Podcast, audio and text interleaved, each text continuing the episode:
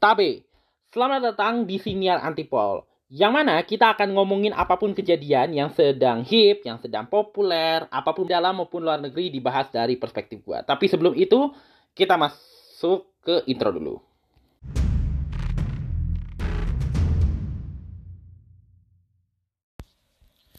Kita kali ini akan ngomongin soal uh, polusi udara di Jakarta yang menurut beberapa indikator uh, polusinya ini apa ya pencemarannya antara yang terburuk lah di dunia. Uh, Sebenarnya isu ini udah bukan isu baru juga, uh, kurang lebih juga kayak situasinya kurang lebih sama empat tahun yang lalu. Uh, waktu itu sempat ada gugatannya oleh cross action lah oleh warga ke pemerintah pusat dan pemerintah daerah di sekitaran Jakarta yang terkena imbas daripada polusi Jakarta ini terusnya warga menang dimenangkan dalam gugatan ini pemerintah pusat dan pemerintah terkait gitu ya yang digugat juga dinyatakan bersalah. Terus kemudian muncul lagi isu ini. Tapi kelihatannya sebenarnya udah kelihatan dari waktu gugatan uh, hasil gugatan keluar ya. Kelihatannya pemerintah pusat ini agak dalam tanda kutip menurut sebelah pihak ini kayaknya cuci tangan lah terhadap isu ini. Uh, apa ya nggak mau tahu lah gitu kurang lebihnya. Uh, tapi kita mulai aja pembahasannya. Jadi tapi sebenarnya isu soal pencemaran udara ini sebelum kemudian jadi besar gitu ya jadi pembahasan uh, terusnya beberapa kali ada video dan foto yang membukti bahkan di TikTok juga ada yang membuktikan bahwa ini bukan sesuatu yang rumor tapi itu nyata terjadi. Si polusi ini si polusi. Aduh aneh banget ya kalau jadi ngerin dari sebutannya.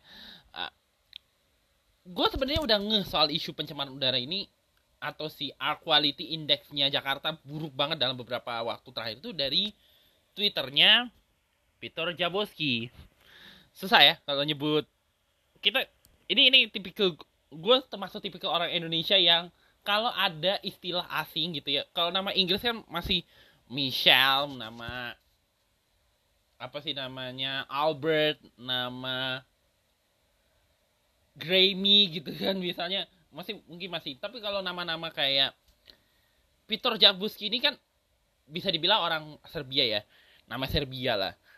Peter, Peter kalau nama Peter Peter aja gitu kan bahasa Inggris. Tapi ini cukup Pito. Oke okay lah kita sebut saja Pito Jabuski.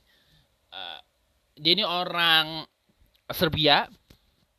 Kayaknya udah lama tinggal di Indonesia dan uh, dari uh, kelihatannya dia juga seorang aktivis lingkungan tapi gue nggak tahu apakah dia kerja untuk sebuah organisasi internasional yang bercabang di Jakarta berbiro di Indonesia punya perwakilan Indonesia atau bagaimana tapi dia sering banget nge soal uh, quality index dan dia bilang uh, intinya dia sering nge-tweet lah tentang tingkat polisi di Jakarta. Nah, dia makin melihat lah kok makin buruk aja ini. Terus gak lama, kira-kira dalam satu dua minggu kemudian orang-orang mulai ngeh nih apa yang di dengan situasi polusi di Jakarta gitu kan. Uh, karena gini ya, uh, gimana cara nyebutnya?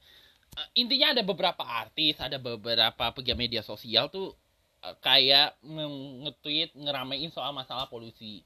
Terusnya ada beberapa orang yang lagi berpergian ke Indonesia, ke luar negeri, terus balik ke Indonesia, kan pasti lewat Jakarta Soekarno Hatta kan.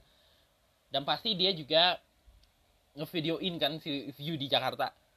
Ada beberapa di antaranya itu ngevideoin bahwa langit Jakarta tuh nggak kayak biasanya yang kelihatan banget asap pekat kayak kayak kabut asap tapi uh, susah lah ngejelasinnya. Yang seakan-akan mengkonfirmasi apa yang diramein ini gitu kurang lebihnya. Nah terus mulai dari pembahasan soal ini.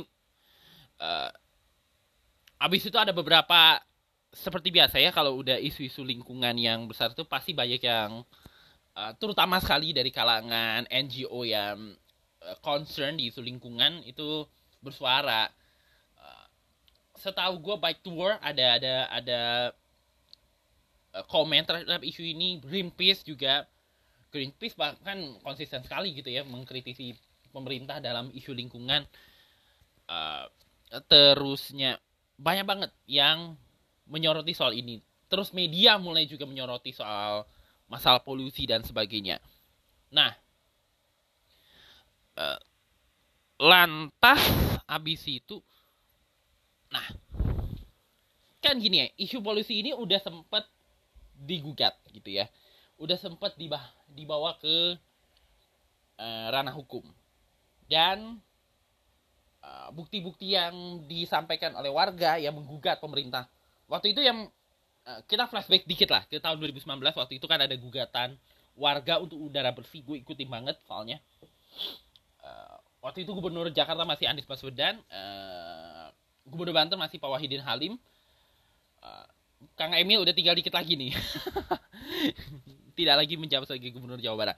Nah, waktu itu termasuk pemerintah pusat nih kena juga gugatan. Hasilnya eh, pemerintah diminta bertanggung jawab, pihak-pihak yang tergugat ini diminta bertanggung jawab atas masalah pencemaran udara di Jakarta. Eh, pemerintah Jakarta, eh, Mas Anies kan eh, selama pemerintahannya kan selalu mengatakan apa pun gugatan atau keluhan dari masyarakat dan di mana masyarakat dinyatakan menang gitu ya bahwa ada potensi pelanggaran hukum dalam kebijakan pemerintah, tentu dia sebagai pejabat pemerintah akan menerima keputusan itu dan mencoba berdialog untuk mencari jalan tengah lah gitu istilahnya. Itu Mas Anies. Uh, pemerintah pusat justru ini yang agak menarik nih. Justru memutuskan untuk mengajukan apa sih kayak peni banding gitu ya istilahnya walaupun sebenarnya kebijak mereka juga merasa bahwa sebenarnya kita menangani isu lingkup isu polusi ini udah bener loh. Masa kita disuruh ini lagi gitu kan? Tapi orang intinya semua kebingungan dong gitu ya. Di satu sisi pemerintahnya cuci tangan di sisi lain juga masyarakat juga merasa udah udah merasa benar juga dalam menangani masalah polusi gitu ya. Memang ada beberapa kegiatan-kegiatan kita yang menimbulkan bisa dikategorikan menyumbang polusi seperti penggunaan kendaraan penggunaan energi fosil, ol, apa sih solar, oli dan segala macamnya, pembakaran sampah dan sebagainya. Eh, terus ya pembakaran barang-barang beracun, limbah beracun gitu ya B3 kan itu harus penanganan khusus ya. Eh, terutama sekali yang kayak aluminium kayak apa lagi namanya? Intinya barang-barang yang seharusnya tidak dibakar yang potensi pembakarnya bisa mencemari lingkungan lah gitu. Harusnya ditangani secara khusus kan. Itu bisa jadi potensi polusi kalau ada pembakarannya. Nah cuma ada yang nge dan ngerasa bahwa kayaknya bukan ini deh penyebabnya gitu. Dan ketika ada beberapa pihak merasa bahwa eh solusinya harusnya ini. Terus pada bilang guys ini bukan bukan sebab yang selama ini kita tahu soal polisi soal pembakaran sampah bukan soal pembakaran mesin gitu yang bisa ditangani dengan uji emisi. Ini ini ada hal lain gitu. Terus kemudian eh, di belakangan sebenarnya ini juga udah udah lama isunya juga. Diketahui ada 16 pembangkit listrik tenaga udah uap yang berada di sekeliling kota Jakarta.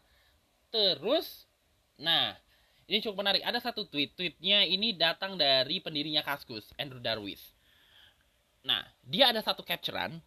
Intinya capturean itu e, menunjukkan bahwa apa yang selama ini kita asumsikan soal polusi itu dari asap kendaraan dan segala macam ini mungkin gak 100% menjadi penyumbang polusi. Intinya ada kayak gimana cara ngegambarinnya? Sebentar gue buka twitter dulu. Nah ini dia twitter yang gue maksud. Ini gue buka akun twitternya Adarwis uh, Andrew Darwis pendirinya Kaskus.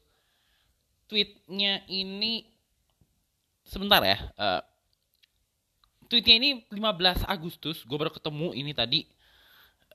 Jadi di tweet itu dia uh, intinya dia ada capturean. Gue kayaknya kalau dilihat dari captureannya dia dapat dari gue bingung cara ngejelasinnya. Tapi uh, ada capturean di mana uh, uh, situasi kayak kayak kayak grafik uh, lu gue kata sorry ya guys walaupun gue pernah belajar geografi kan karena gue anak IPS ya mesti belajar hal yang berbau IPS tapi gue nggak terlalu ngeh kalau soal yang kayak beginian. Tapi intinya di situ ada gambaran di mana dia tuh kayak uh, ke mana uh, situasi udara di daerah setempat gitu kurang lebihnya. Uh, terusnya aduh gue kelewat lagi. Sorry ya guys ini ada sedikit terlewat ini. Uh, terus Nah ini dia. Ini tweetnya 15 Agustus. Uh, udah ditangkapi 998 komentar. Uh, di retweet 10.700. Ini udah termasuk yang nge-tweet. Quote tweet. Uh, yang like 22 setengah. Terusnya. Wow, udah dilihat 2,4 juta kali. Nah, jadi, uh, nah ini kayak gini intinya ini area Jakarta terus kan ini persebaran udara ya. Nah, Jakarta di daerah Jakarta ini persebaran udaranya itu bukan hijau tapi merah. Dan merahnya juga ada pekat-pekatnya. Dan arahnya ternyata dari Banten. Nah ini terus ada satu capturean uh, kontributor utama polusi Jakarta bukanlah kendaraan, tapi asap dari pembangkit listrik batubara di Banten. Ada pembangkit batubara terbesar di Asia Tenggara yang baru buka di situ. Itulah kenapa polusi di tengah malam dan pagi lebih parah karena malam hari adalah beban puncak listrik saat batubara dibakar sebanyak-banyaknya. Itulah kenapa saat weekend, Car Free Day, udara tetap kotor karena asapnya kiriman dari Banten. Itulah kenapa uh, Tangsel lebih tercemar udaranya dari Jakarta dan Bekasi, karena Tangsel lebih dekat ke Serang dan di Serang sana pasti uh, udaranya lebih hancur lagi. Mobil listrik bukan solusi polusi karena listrik di Indonesia masih bergantung batu bara, malah lebih parah lagi polusinya katanya. Ini gue nggak tahu ini kayak ini pesan dari Insta dari WA deh. Uh, tweetnya dia nih ada nyambung-nyambungnya dengan pesan yang tadi gue baca ya Nah, jadi tadi gue bilang bahwa ada 16 pembangkit listrik. Pembangkit listrik ini eh, pembangkit listrik tenaga uap. Nah, PLTU eh, sebagian besarnya itu eh, dipasok dari batu bara, ya kan? Dan mungkin sebagian lu juga udah belajar lah ya soal kayak gitu ya. Nah, Dan Jakarta itu sebagian besar Jakarta, Banten, eh, Jawa Barat, sebagian Jawa Barat itu bergantungnya dari uh, listrik yang berasal dari PLTU ini. Bahkan di Jakarta ada PLTU Muara Karang. Terusnya tapi intinya di Jakarta itu, di sekitar Jakarta itu ada PLTU yang melayani listrik, itu dikelola oleh PLN, Suralaya, terusnya setahu gue ada satu di Banten, sama di Jakarta. Nah, di sisi lain, itu ada juga PLTU yang secara khusus untuk mengelola industri. Dijelasin, eh, ini gue nggak tahu ya, ini gue nggak atau enggak, tapi udara itu malam-malam, apa ya istilahnya, malam sama, memang harus diakui kalau malam tuh hampir semua masyarakat menggunakan listrik. Ya, hampir semua menggunakan listrik. Makanya pembakaran dari PLTU ini kalau dia tidak disarankan secara baik gitu ya itu ya seperti adanya gitu ya. Nah abis itu publik ya udah istilahnya udah sebenarnya udah nge soal masalah polusi ini karena ya mungkin dari lu juga sering baca-baca ya soal ini. Publiknya udah nge soal isu ini. Tentu kita kan gini ya kita sering diajarin bagaimana kalau ada masalah pasti kita mencari tahu siapa yang bertanggung jawab. Di sisi lain udah ketahuan nih yang harus bertanggung jawab dari gugatan waktu itu gugatan untuk udara bersih kalau lu ada yang ikutin juga pemerintah. Dan itu dilakukannya oleh pihak hukum loh penegak hukum loh yang menyatakan uh, PT Pengadilan Tata Usaha Negeri Jakarta bener? Pengadilan Tinggi Tata Usaha Negara eh itu dia PT TUN Jakarta udah menetap menyatakan bahwa gugatan ini berdasar dan pemerintah wajib bertanggung jawab atas masalah ini. Kita udah tahu lah kalau masalah ini siapa yang harus kita lemparin masalah ini. Kita lemparkan tanggung jawab ini. Cuma gue nggak tahu ya apakah ini karena uh, faktor politik atau karena menterinya tidak menguasai isu itu dengan baik atau mungkin terlalu terbebani oleh kepentingan-kepentingan corporate yang mungkin yang tentu bukan mustahil juga ada kepentingan pengusaha batu bara dan segala macamnya. Yang tentu dan kita tahu batu bara adalah salah satu pengelola bahan bakar untuk pengelolaan PLTU gitu ya. Apa ya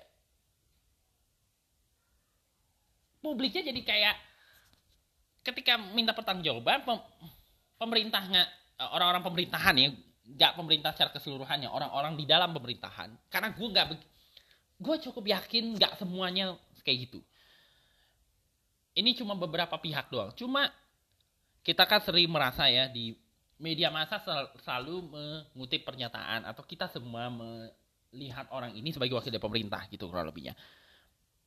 Pernyataan-pernyataannya itu alih-alih membuat masyarakat lega gitu ya, membuat masyarakat masa terjawab justru makin jadi pertanyaan gitu.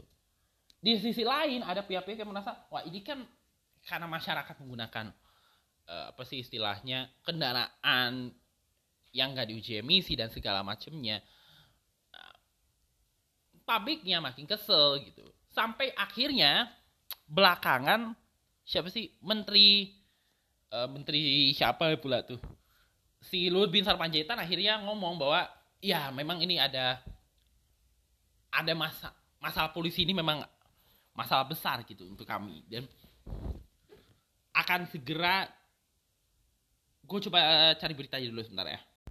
Ini di artikel yang dimaksud. Ini lima hari yang lalu, uh, belum lama juga. Uh, Menteri Luhut akan turun tangan atasi masalah polusi udara, akui PLTU penyebabnya. Ini dikutip dari Kumparan, 18 Agustus, Menko Bidang Kemaritiman dan Investasi, Menteri Koordinator dalam hal ini, Luhut Binsar Panjaitan kini turun tangan menangani persoalan polusi udara di Jakarta dan sekitarnya. Luhut hari ini memimpin rapat koordinasi upaya peningkatan kualitas udara kawasan Jabodetabek uh, ia mengambil beberapa langkah yang akan digunakan mengatasi persoalan polusi udara. Luhut menyebut rangkaian tindakan akan dilaksanakan untuk menghadapi dampak serius dari polusi udara terhadap kesehatan masyarakat, kualitas hidup, dan keuangan negara. Ia menegaskan komitmen pemerintah dalam mengatasi masalah ini dan pentingnya solusi lintas sektor untuk uh, menurunkan emisi di Jabodetabek. Oleh karena itu diperlukan tindakan dari hulu sampai hilir guna mencapai solusi yang holistik ini ada beberapa pernyataan dari yang kami pelajari uh, untuk meningkatkan kualitas udara pengendalian emisi harus berfokus pada tiga sektor yaitu transportasi industri dan pembangkit listrik serta lingkungan hidup. Itu udah empat bukan tiga ya. Ini ada beberapa hal. Perlunya scrubber untuk PLTU untuk scrubber. Scrubber ini kayak gimana ya? Scrubber untuk PLTU intinya. Untuk mengurangi polusi dan sektor industri dan pembangkit listrik, polusi dari sektor industri dan pembangkit listrik, pemerintah akan mewajibkan penggunaan scrubber untuk industri berat dan PLTU batubara serta meningkatkan standar emisi PLTU. Perlunya percepatan transisi energi terbarukan. Sel Selanjutnya, penggunaan pembangkit listrik tenaga uap batubara juga perlu dikurangi dengan pensiun dini atau pengurangan faktor kapasitas PLTU. Percepatan transisi dengan mendorong bauran energi baru terbarukan juga dibutuhkan, termasuk insentif seperti kredit karbon dan pajak karbon. Uh, dorongan gunakan transportasi publik di sektor transportasi publik eh, di sektor transportasi dorongan untuk menggunakan transportasi publik akan membantu mengurangi emisi yang mayoritas disebabkan oleh kendaraan pribadi termasuk pembatasan mobilitas kendaraan pribadi yang perlu diperluas untuk mendorong adopsi transportasi publik atau road space rationing Selain itu, uji emisi pada proses perizinan dan pengawasan lalu lintas perlu diperketat, termasuk pemberian penalti bagi pelanggar. Ini kata Luhut, dengan arahan langsung Presiden Jokowi, kami berkomitmen untuk mencapai perubahan nyata dalam penanganan kualitas udara, guna meningkatkan kesehatan dan kualitas hidup seluruh masyarakat, bukan hanya untuk hari ini atau esok, tapi untuk, ya itulah kurang lebihnya. Uh, jadi, uh, kan beberapa waktu kan beberapa pejabat pemerintah uh, turun tangan ya menyampaikan beberapa pandangan gitu ya. Ada yang mengusulkan mobil listrik dan segala macamnya gitu. Tapi seperti yang tadi yang gue baca pesan yang sebelumnya ya sebelum ini itu bukan solusi. Karena pada dasarnya semua listrik yang kita gunakan hari ini itu dari PLTU yang yang tadi diserang Paluhu tadi gitu ya bahwa memang PLTU batu bara ini cukup banyak dan beroperasi semuanya. Seketika beroperasi semuanya ditambah cuaca lagi kering karena lagi kekering apa sih saya lagi cuaca kemarau dan uh, tidak ada kontrol yang baik ya ya ya kayak gini. Situasinya polusi yang tidak terkendali kualitas udara makin hari makin hari makin buruk dan segala macamnya bukan hanya di Jakarta bahkan mungkin di sekeliling Jakarta boleh jadi juga hal yang sama. Bahkan mungkin kalau kayak tadi dibilang si Sander ini mungkin sekarang lebih lebih parah lagi kali. Nah terusnya eh, sebenarnya kan banyak ya jalan keluar terkait dengan masalah ini. Cuma memang harus diakui eh, masalah terbesar dari penanganan masalah-masalah ini itu adalah di execution gitu. Karena ini melibatkan banyak kepentingan. Ada kepentingan uh, pemilik modal, ada kepentingan pemerintah, ada kepentingan pemerintah daerah, pemerintah pusat dan pemerintah daerah aja suka suka tidak satu suara gitu ya, tidak satu kepala gitu ya kadang-kadang dalam beberapa hal. Terusnya ada kalau apa ya civil society mah udah jelas lah gitu ya menegur pemerintah kalau ada yang salah atau mengingatkan masyarakat tentang potensi bahaya dari menghirup udara polusi seperti ISPA dan segala macam ya. Bahkan gue kemarin gue kemarin habis ada kegiatan di Jakarta aja gue bawa masker. Maskernya dua lagi masker uh, mas bukan masker kain ya karena itu nggak terlalu efektif katanya. Masker bedah. Untung gue masih nyimpen itu. Sisaan dari pandemi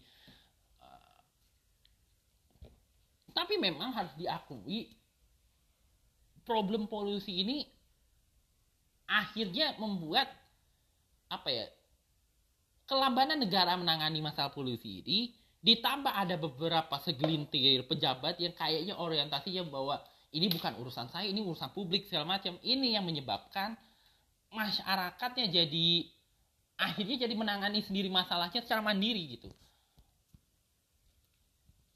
Dan ya walaupun uh, tentu dengan informasi yang terbatas karena sih dengan semakin luasnya pembahasan soal ini uh, jadi lebih meningkat gitu ya pem, uh, pemberitaan tentang himbauan-himbauan berkaitan dengan masalah polusi ini. Cuma apakah, nah problemnya kan ada banyak ya jalan keluar mengenai isu si si polu atau si polusi ini. Kalau dulu waktu kalau yang gue coba buka yang akun satunya lagi deh. Bukan akun sih lebih tepatnya gue ada ada nge like artikelnya uh, Data gitu ya Data. Ini beberapa solusi ada dilontarkan dari pihak pemerintah daerah ada yang dari pemerintah pusat. Uh, ada pengetatan regulasi terusnya uji emisi uh, terus juga WFH uh, terusnya soal EV tapi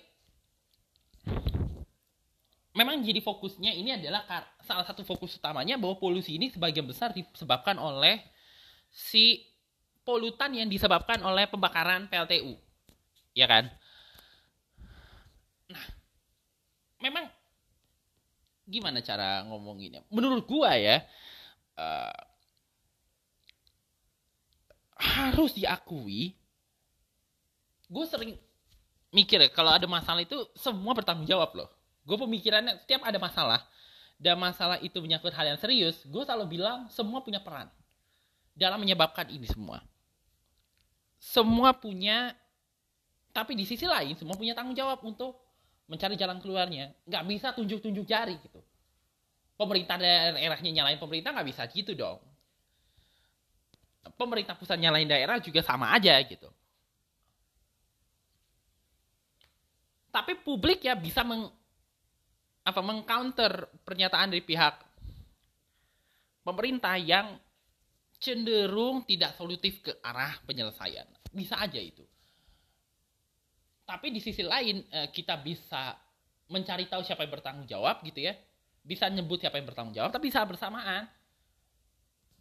Bukan bertanggung jawab ya. Siapa yang istilahnya punya andil dalam masalah ini bisa tunjuk-tunjukkan tapi seharusnya kalau soal mengambil tanggung jawab atas masalah ini harusnya bareng-bareng iya kan nggak bisa semua dibebankan ke publik gue setuju kalau ada yang bilang nggak bisa semua dibebankan ke publik dan nggak bisa juga dibebankan kepada corporate karena corporate pasti mengikuti peraturan pemerintah. Nah tadi ada satu yang cukup menarik soal uh, Pak Luhut itu ada nyebut soal scrubber. Gue coba lihat di Google dulu ya. Oke Google. Scrubber.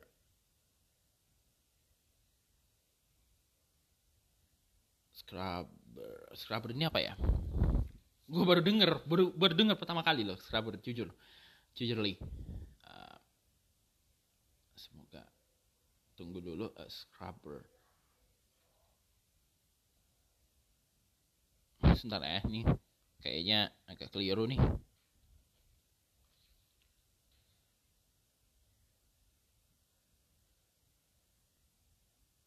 Scrubber adalah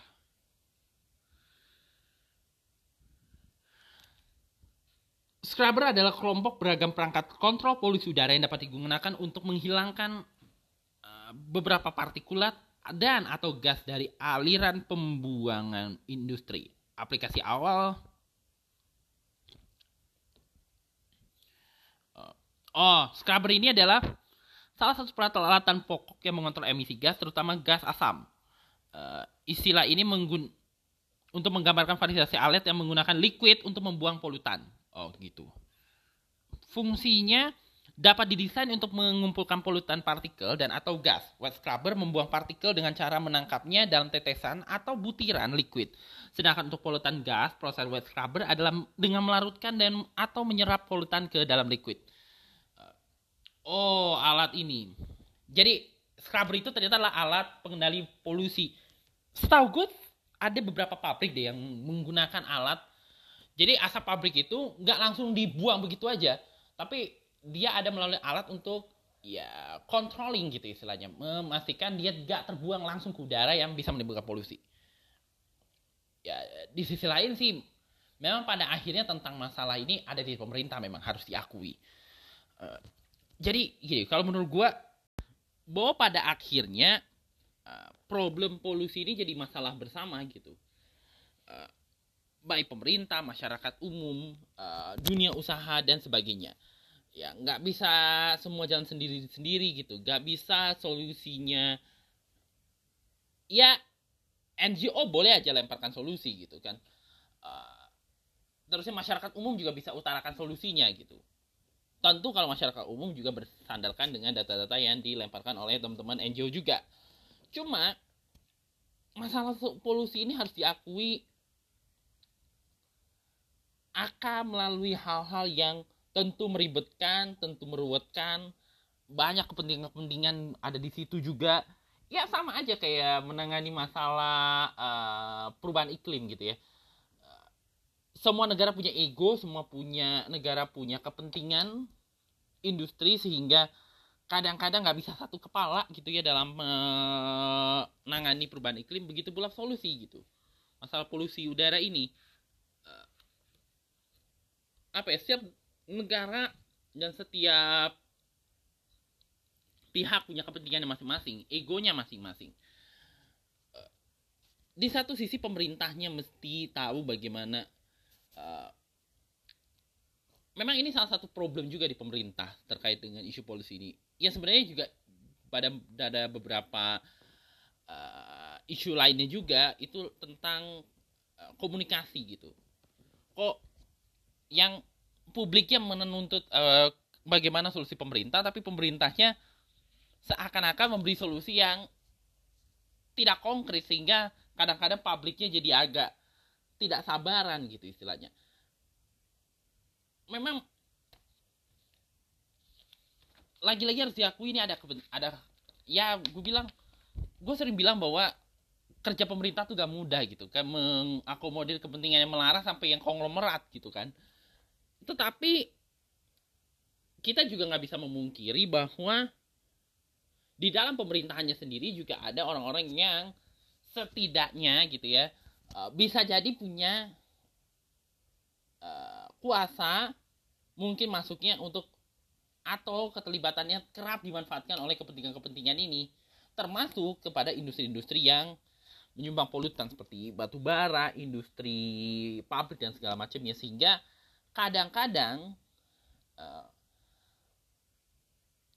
jadi terlalu ada beban ketika mau mengambil kebijakan-kebijakan yang berkenaan dengan ya seperti situasi saat ini gitu. Ada bebanan tersendiri gitu karena ada kepentingan yang harus dijaga. Di satu sisi kepentingan publik juga mesti dijaga. Makanya uh, apa sih namanya gue setuju waktu kan gue sempat ikut ya Indonesia Zero Summit di bulan Juni lalu. Uh, waktu Kang Bima Arya itu wali kota Bogor pernah bilang kalau lu nggak nggak punya lu jangan harap lah kalau apa sih Indonesia bisa punya solusi terhadap uh, masalah iklim global kalau pemimpinnya atau orang politiknya atau mereka ada di dalam pemerintahan sendiri para leaders dan sebagainya itu nggak punya uh, kemauan politik yang kuat, political will yang kuat gitu dalam menangani masalah lingkungan apa pun masalahnya termasuk masalah masalah polusi, masalah dan juga mungkin masalah lingkungan yang lain gitu seperti sampah uh, energi terbarukan uh, transportasi publik dan sebagainya uh, di satu sisi uh, ya bagaimana mungkin ya istilahnya menangani masalah iklim dalam kadar cepat kalau kepemimpinan politiknya masih dikuasai kepentingan-kepentingan yang ke arah sini gitu. Memang dibutuhkan kemauan politik yang kuat dibutuhkan uh, solusi yang cepat. Memang, tapi memang nggak bisa dalam waktu singkat dan nggak bisa sesegera mungkin. Tentu membutuhkan waktu. Uh, sebetulnya masalah polisi ini sempat terbantu gara-gara pandemi. Cuma kan uh, pada akhirnya kan tetap walaupun pandemi kan sektor ekonomi harus tetap bergerak kan sehingga seiring dengan pemulihan ekonomi nasional memang problem pandemi ini harus diakui ada kaitannya juga dengan pemulihan ekonomi nasional yang kita rasakan sekarang gitu. Uh, pulihnya ekonomi nasional dan bergeraknya ekonomi nasional pasca pandemi juga tentu harus diakui membawa resiko. Nah, oleh karenanya menurut gua uh, pemerintah dalam hal ini perlu uh, gak bisa hanya menyalahkan masyarakat dan NGO semata-mata, perlu juga mendengar uh, dan juga menyalahkan pemerintah daerah termasuk di antaranya dalam eh, nggak uh, bisa saling tunjuk lah gitu istilahnya dalam ber, berhadapan dengan isu ini. Karena ya di satu sisi nggak adil uh, penanganan ini harus melibatkan semua pihak.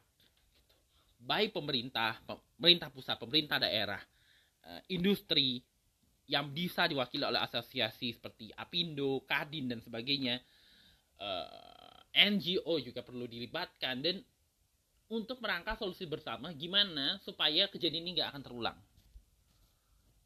walaupun sebenarnya masalah polusi ini harus diakui masalah berulang lucunya. Uh, solusinya termasuk bagaimana seharusnya mengendalikan penggunaan PLTU uh, ya tadi sebenarnya ada solusi terkait dengan scrubber itu tadi ya alat polutan itu. Dan bagaimana industri ini diawasi supaya mampu mengendalikan emisi yang gas buang yang dihasilkan pabriknya ini sehingga tidak menimbulkan polusi. Termasuk juga PLTU bagaimana kalau uh, kalau bisa kan PLTU ini ada yang digunakan PLN tadi gue bilang ada juga yang digunakan oleh industri secara eksplisit untuk kebutuhan industri itu sendiri. Nah, bagaimana mengontrolnya ini supaya tidak menimbulkan hal yang negatif terhadap masyarakat, termasuk untuk kualitas udara di sisi lain juga memang uji emisi kadang-kadang jadi unggulan gitu ya dalam penanganan polusi tapi eh, nggak uh, cukup pada dasarnya gitu di sisi lain apa ya memang konkretnya adalah bagaimana menangani eh, penyebab-penyebab polutan ini dengan kebijakan-kebijakan yang berorientasi kepada bagaimana meningkatkan kualitas udara, bagaimana meningkatkan kualitas lingkungan. Iya kan? Dan di sisi lain juga bagaimana peningkatan terhadap ruang-ruang interaksi masyarakat.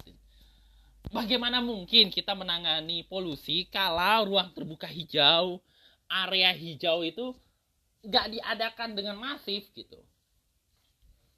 Dan ini jadi tantangan baik di pemerintah pusat maupun di daerah. Eh, di sisi lain juga peran masyarakat dalam aktif melaporkan uh, pelanggaran uh, pengguna pengendalian emisi kepada pihak setempat. Perlu juga ada ketersediaan tentang hal itu. Jadi uh, kesimpulan terhadap pembahasan kita kali ini adalah ya sebenarnya ya agak bingung juga cara ngejelasinnya. Tapi intinya adalah masalah polusi ini adalah masalah kita bersama. Kita juga ada perannya dalam menggunakan polusi karena listrik kan kita gunakan semua ya kan? Hampir setiap hari kita menggunakan listrik dan listrik itu dari PLTU yang sekarang dan sudah diakui ada perannya dalam masalah polusi di Jakarta ini. Uh, hemat listrik uh, tidak menggunakan listrik uh, secara berlebihan gitu ya. Uh, gunakan seperlunya itu jadi salah satu hal utama. Di sisi lain pemerintahnya juga perlu merangka jangka pendek, jangka menengah dan jangka panjang terkait dengan uh, bagaimana menangani masalah ini. Tapi tidak cukup dengan itu, diperlukan kemauan politik dan uh, kepemimpinan yang pro terhadap iklim yang memastikan bahwa ini akan berjalan dengan efektif dan tidak diselubungi kepentingan-kepentingan yang masih melanggengkan uh, ekonomi yang pro terhadap ek apa yang kita bisa katakan sebagai uh, udara kotor gitu ya atau lingkungan kotor gitu. Atau istilahnya pro emisi lah gitu ya. Kepemimpinan yang pro terhadap pengendalian emisi bukan menambah emisi yang membebani bumi kita. Di sisi lain juga adalah bagaimana kerjasama pemerintah dan NGO bukannya saling timpuk-timpukan tapi saling berkolaborasi gitu ya uh, untuk bagaimana supaya masalah ini bisa dapat diselesaikan gitu kurang lebihnya. Uh, tentu itu juga membutuhkan kepemimpinan yang uh, berorientasi kepada apa yang dikatakan green politics gitu ya bukan kepemimpinan yang within uh, net gitu ya within net gitu ya itu aja sih. Ya semoga masalah polutan ini segera bisa perlahan-lahan tapi pasti tentu prosesnya akan lama tapi perlahan-lahan bisa diatasi sehingga kualitas udara meningkat dan kehidupan kita menjadi semakin lebih baik. Dan ya saat olahraga ya nggak nggak harus pakai masker gitu lah gitu ya. Kurang lebihnya udah maaf dua tahun maskeran gitu. Menghadapi pandemi akhirnya harus maskeran lagi karena problema polusi yang sangat buruk di ibu kota kita. Itu aja sih pembahasan gue untuk episode kali ini. Semoga ada manfaatnya. Uh, kalau ada yang kurang ya mungkin karena mungkin pengetahuannya gue yang nggak terlalu besar terkait terkait hal ini ya berbagi perspektif aja lah dari sisi gue. tapi masih banyak hal yang akan gue omongin dari perspektif gue. Uh, nantikan terus edisi-edisi berikutnya dari Siniar Antipol New Era. Sampai bertemu lagi.